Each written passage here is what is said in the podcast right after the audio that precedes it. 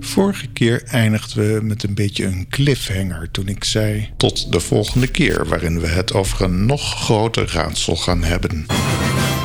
En misschien had u het eerder dit jaar zelf al gelezen.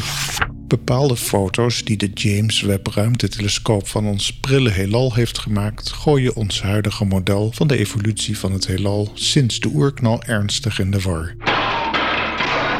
Laten we vandaag samen eens kijken hoe dat zit en wat voor zinnigs we erover kunnen beweren zonder onszelf in onze wetenschappelijke voeten te schieten. De onrust ontstond door het artikel A population of red candidate massive galaxies 600 million year after the Big Bang. van Ivo Labé en collega's dat in februari van dit jaar in Nature verscheen. Rode, massieve sterrenstelsels waren gezien op een foto van de James Webb ruimtetelescoop, waarbij zo ver terug in de tijd werd gekeken dat de objecten op de foto slechts 500 tot 700 miljoen jaar na de oerknal oud konden zijn. Dat was een lange zin. Dat we zo ver terug kunnen kijken in de tijd is natuurlijk zeer verheugend, want dat zegt ons hoe goed die James Webb-telescoop functioneert. Jee. Het probleem zit hem in die twee bijvoeglijke naamwoorden, rood en massief.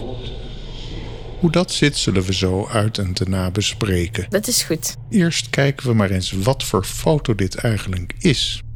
Onderdeel van de wetenschap die met de James Webb ruimtetelescoop bedreven wordt, heet CEERS, C-E-E-R-S, wat staat voor Cosmic Evolution Early Release Science.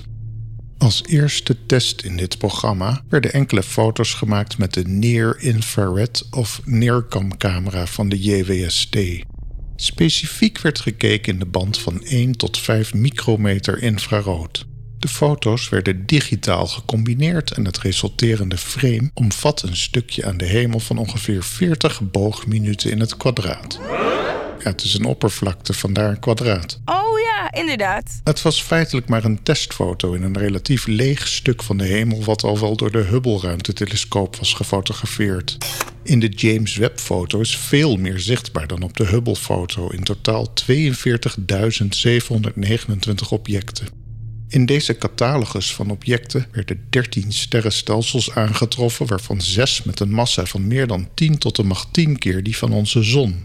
En één van die sterrenstelsels is zelfs nog eens 10 keer zwaarder, dus dat wordt vergelijkbaar met onze eigen 13,8 miljard jaar oude Melkweg. Dat moet wel een eh, verbijsterende conclusie geweest zijn. Dus zie hier het dilemma. Het bestaande model van sterevolutie en de geschiedenis van ons heelal sluit uit dat er zo'n zwaar melkwegstelsel zo snel na de oerknal zou kunnen bestaan. Laat staan zes van die te zware sterrenstelsels. Er zou simpelweg niet genoeg tijd zijn verstreken om zoveel sterren tot wasdom te kunnen laten komen. Of anders gesteld, er was op dat moment op die locaties niet genoeg baryonische massa aanwezig om zoveel dusdanig zware sterren te kunnen kweken. Oh, dat is niet best. En toch, op de foto zien we zes sterrenstelsels op wat een redelijk willekeurige eerste foto is, die deze hypothese in de wielen rijden. Daar komt nog eens bij dat de sterren in deze sterrenstelsels uit de begindagen van ons heelal veel te rood lijken te zijn. Wat is dit voor vaag verhaal, Hent? Met wat we weten over sterevolutie zou het veel meer voor de hand liggen dat de sterren in kwestie overwegend blauw zouden zijn. Toen deze ontdekking eerder dit jaar in het nieuws kwam, had de collectieve wijsheid die het internet heet uiteraard de mond vol van verklaringen. Oh dear. Zo las ik dat de oerknal dus nooit zou kunnen hebben plaatsgevonden. Dat astronomie in een crisis terecht was gekomen waar deze eeuwenoude wetenschap nooit meer uit zou komen. En natuurlijk zie je wel, wetenschap heeft de antwoorden ook niet, et cetera. Science must always prove itself to skeptics. In zekere zin is het prettig, vind ik tenminste, dat ik even heb gewacht met deze aflevering, want inmiddels zijn er enkele maanden verstreken en hebben astronomen de kans gehad om er nog eens wat langer over na te denken. Wat we in de rest van deze aflevering zullen bespreken, zal hopelijk uw vertrouwen in de astronomische modellen weer wat verstevigen en bovendien enkele vragen beantwoorden die u misschien heeft. Is het hele oerknalmodel daadwerkelijk in een crisis beland na deze ontdekking en moeten wetenschappers zich massaal laten omscholen? Nee, natuurlijk niet. Oh, gelukkig. Dit is in grote lijnen wat wetenschap is. Een aanpassing aan de gevestigde theorieën die oude en nieuwe waarnemingen vervolgens kan verklaren. Het huidige model van ons heelal heet Lambda CDM. En een eventuele aanpassing zal hoogstwaarschijnlijk in dat model moeten plaatsvinden. En wat betekent lambda CDM? Lambda is een Griekse letter die zegt dat het heelal versneld uitdijt. Het wordt dus niet alleen steeds groter, maar dat proces maakt ook nog eens een versnelling door. Die versnelde uitdijing wordt gewijd aan iets wat we donkere energie noemen en waar we het een aantal afleveringen geleden al over hebben gehad. CDM staat voor Cold Dark Matter, koude donkere materie. No shit, Sherlock. Lambda CDM zegt ons wat de verhoudingen zijn van massa en energie in dit heelal en met dit model kunnen structuren en objecten die we waarnemen worden verklaard in de tijd. Het is dus een heel goed werkend model, zelfs als we nog niet precies weten wat donkere energie en donkere materie precies zijn. Denk ja, tuurlijk, zal weer niet. Lambda CDM zegt ons precies hoeveel materie we mogen verwachten in het prille heelal, 500 miljoen jaar na de oerknal. En hier ontstaat dus een discrepantie als we zes sterrenstelsels waarnemen die meer materie bevatten dan aanwezig kon zijn. Het staat en valt eigenlijk allemaal met iets wat we ons gelijk kunnen afvragen. Hoe meet je in vredesnaam de massa van een vlekje op een foto die 13 miljard jaar terugkijkt in de tijd? Want wat we op de JWST-foto's zien zijn slechts kleine rode vlekjes. Als buitenstaanders kunnen we denken dat deze ernstig rood verschoven waarnemingen misschien niet correct geïnterpreteerd zijn. Want als we de massa afleiden uit de helderheid en kleur, en die kleur is helemaal verschoven door het uitdijend heelal, zit er dan niet een fout in? Zonder al te technisch uit te wijden en u als luisteraar weg te jagen, kunnen we wel zeggen dat er twee eikpunten in lichte waarnemingen van sterrenstelsels zitten, die ook teruggevonden kunnen worden in een 13 miljard jaar oude waarneming. Dat is toch niet te geloven? Deze punten heten de Lyman en Bolmer break en die houden onder andere verband met de golflengte van licht dat geabsorbeerd wordt in een stervormende regio zoals een sterrenstelsel. Dus door die aan te wijzen in de Cosmic Evolution Early Release Science foto's weten we veel over hoe we de rood verschoven foto's moeten terugcorrigeren. Als we dan weten waar we naar kijken, kunnen we op twee manieren verder met de waarneming. Het ideaal is om naar het spectrum van zo'n sterrenstelsel te kijken. Dan wordt duidelijk welke elementen in welke verhoudingen aanwezig zijn. En kan ook met grotere zekerheid gezegd worden in hoeverre zo'n superoud sterrenstelsel uit de begindagen van ons heelal lijkt op onze eigen Melkweg en andere bekende sterrenstelsels uit onze tijd. En dan kunnen we ook met grotere zekerheid weten wat de verhoudingen zware versus lichte sterren in zo'n sterrenstelsel is. We zeiden in het begin al dat deze foto's met de JWST neerkamcamera werden gemaakt. De JWST beschikt echter ook over speciale spectroscopische camera's, zoals de NIR-SPEC, waarmee veel gedetailleerdere spectrale plaatjes kunnen worden gemaakt van de superoude sterrenstelsels. Maar die spectrale precisiefoto's zijn nog niet genomen en waren ook geen onderdeel van deze fase van project SEARS. Het ligt voor de hand dat deze waarnemingen op termijn wel gemaakt gaan worden, maar voor nu hebben astronomen het te doen met de andere methode. En dat is de waarnemingen te matchen met bestaande modellen van sterrenstelsels. En precies hier ligt het voor de hand dat de oplossing voor dit raadsel gevonden moet worden. Hoe helderder een sterrenstelsel is, hoe meer sterren het bevat. Dit dient uiteraard gecorrigeerd te worden voor de afstand, maar die valt rechtstreeks af te leiden uit de waargenomen roodverschuiving. En hoe meer sterren er in een sterrenstelsel bestaan, hoe groter de massa uiteraard is.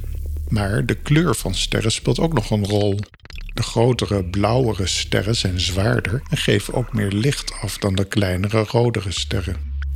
De grote vraag is dan: wordt de totale hoeveelheid waargenomen licht voornamelijk veroorzaakt door een hoop grote, zware, heldere sterren of door een grotere hoop kleinere, minder heldere en minder zware sterren? Nee, nee, ja, weet ik niet. God, dat is wel een moeilijke vraag. Hè? Die kan ik dan niet beantwoorden. De foto's van de JWST laten alleen vlekjes van een paar pixels zien, dus we kunnen niet direct zeggen welke van deze twee scenario's het meest plausibel is. Wel kunnen we proberen aan te nemen dat die superoude sterrenstelsels heel erg lijken op de sterrenstelsels die we uit onze huidige tijd kennen, want die lijken ook allemaal erg op elkaar. Astronomen noemen dit de initial mass function, de initiële massafunctie. Dit is een model van de verhouding van lichte en zware sterren binnen een sterrenstelsel. Omdat deze initiële massafunctie in onze tijd universeel lijkt te zijn voor de sterrenstelsels die we kennen, heet het ook wel de Universal Initial Mass Function. Met andere woorden, waar we ook kijken in het heelal, de distributie van zware en lichte sterren is min of meer identiek in alle sterrenstelsels. U ziet dan misschien nu ook wel waar dit model schuurt. Kunnen we deze universele initiële massafunctie wel toepassen op het prille heelal? Want 500 miljoen jaar na de oerknal was het heelal veel dichter op elkaar gepakt dan het nu is en ook warmer. We weten sinds een astronomisch experiment met de naam Noema, waarover vorig jaar gepubliceerd werd, dat het heelal een miljard jaar na de oerknal zo'n 20 Kelvin was. Ter vergelijking, die temperatuur is in 2023 2,7 Kelvin. In de tijd dat de sterrenstelsels vormden die door de JWST werden gefotografeerd, was het heelal uiteraard nog warmer dan 20 Kelvin. En de sterren in het prille heelal waren ook nog minder metaalrijk dan de huidige sterren allemaal parameters die astronomen richting de conclusie trekken dat de universele initiële massafunctie misschien niet van toepassing is op het prille heelal. Al voor de JWST-waarneming werd hier al over gespeculeerd, zoals bijvoorbeeld in de publicatie Stellar initial mass function varies with metallicities and time. van Lee en collega's en Evidence for initial mass function variation in massive early-type galaxies. van Smith. Maar ook dit jaar zien we publicaties die de universele initiële massafunctie in twijfel trekken, zoals Stress testing lambda CDM with high redshift galaxy candidates. van Michael Boylan Colgin. Dit laatste artikel borduurt direct voort op de JWST-waarnemingen. Hierin lezen we dat de maximale massa van een sterrenstelsel wordt bepaald door het reservoir aan baryonische materie in de donkere materiehalo rond zo'n sterrenstelsel. Om de waargenomen massieve sterrenstelsels te verklaren moet een bijna onrealistische efficiëntie worden aangenomen voor de formatie van sterren in deze vroege sterrenstelsels. Ook Michael Boylan Colchin houdt daarom in zijn artikel de mogelijkheid open dat de universele initiële massafunctie niet van toepassing is op de omstandigheden in het jonge heelal.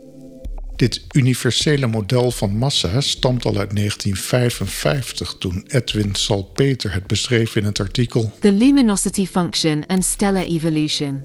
Ergens is het ook wel mooi dat met de komst van de James Webb ruimtetelescoop ontdekkingen worden gedaan die oude vertrouwde hypotheses overhoop halen. Maar is er sprake van crisis in de astronomie? Nee, dat zeker niet. Wat wel vrij zeker is, is dat er binnenkort naar dezelfde oude melkwegstelsels zal worden gekeken met de spectroscopische camera's van de JWST. Dan zal er hopelijk meer duidelijk worden over de samenstelling van deze raadselachtig zware sterrenstelsels. En wie weet wat er de komende jaren nog meer te weten komen over de begindagen van ons heelal. Ja, de evolutie heeft best goed werk gedaan. Afhankelijk van uw constitutie wens ik u veel plezier of sterkte met het warme weer en tot de volgende keer.